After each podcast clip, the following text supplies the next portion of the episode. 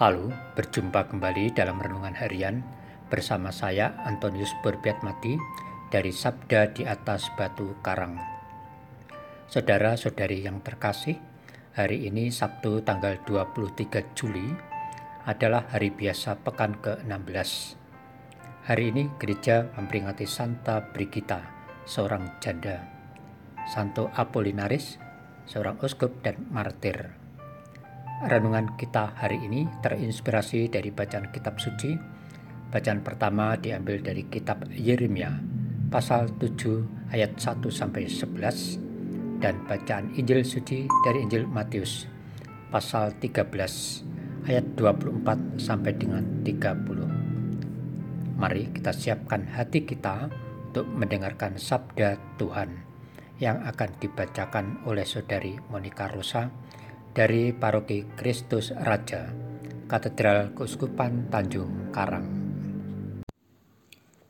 Pada suatu hari, Yesus membentangkan suatu perumpamaan kepada orang banyak.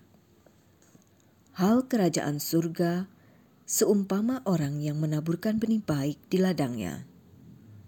Tetapi pada waktu semua orang tidur, datanglah musuhnya, menaburkan benih lalang di antara gandum itu lalu pergi. Ketika gandum tumbuh dan mulai berbulir, tampak jugalah lalang itu. Maka datanglah hamba-hamba tuan ladang itu dan berkata kepadanya, Tuan, bukankah benih baik yang Tuan taburkan di ladang Tuan? Dari manakah lalang itu? Jawab Tuan itu, seorang musuh yang melakukannya. Lalu berkatalah para hamba itu, "Maukah Tuhan supaya kami pergi mencabuti lalang itu?" Tetapi ia menjawab, "Jangan, sebab mungkin gandum itu ikut terjaput pada waktu kalian mencabut lalangnya. Biarkanlah keduanya tumbuh bersama sampai waktu menuai tiba." Pada waktu itu, aku akan berkata kepada para penuai, kumpulkanlah dahulu lalang itu dan ikatlah berberkas-berkas untuk dibakar. Kemudian, kumpulkanlah gandumnya ke dalam lumbungku. Demikianlah sabda Tuhan. Terpujilah Kristus.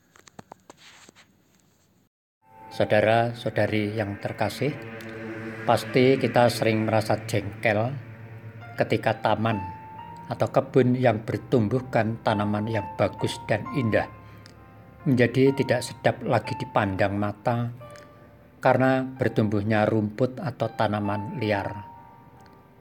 Dan biasanya rumput atau tanaman liar tersebut tumbuh sangat berdekatan dengan tanaman baik kita sehingga kalau kita cabut tanaman liarnya, maka tanaman yang baik akan ikut tercabut juga. Bagaimana dengan hidup beriman kita? Adakah kita memiliki iman yang kuat di tengah himpitan masalah atau godaan keberdosaan? Saudara-saudari yang terkasih, dalam bacaan Injil pada hari ini, Yesus membentangkan suatu perumpamaan Yesus menggambarkan hidup beriman seumpama pertumbuhan benih gandum dan ilalang yang tumbuh bersamaan. Ketika benih gandum bertumbuh baik dan mulai berbulir, ternyata tumbuh juga ilalang. Kalau ilalang mau dicabut atau dibabat, tentu saja akan merusak atau ikut tercabutnya gandum. Yesus adalah sang penabur benih hidup kebaikan bagi kita.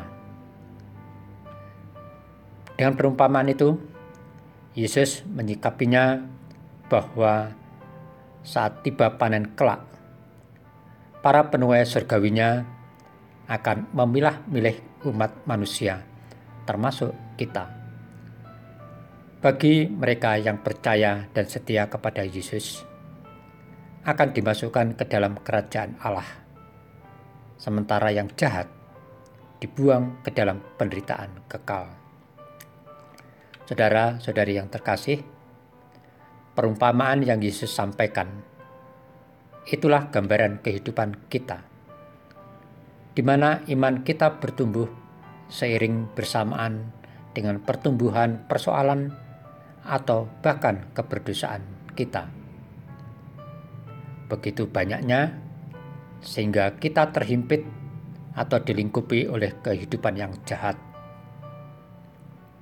Nah, bagaimana dengan hidup nyata kita? Apakah kita ini sebagai benih gandum atau ilalang? Jika bertumbuh bersama dalam himpitan keberdosaan, persoalan hidup, bagaimana kita menyikapinya?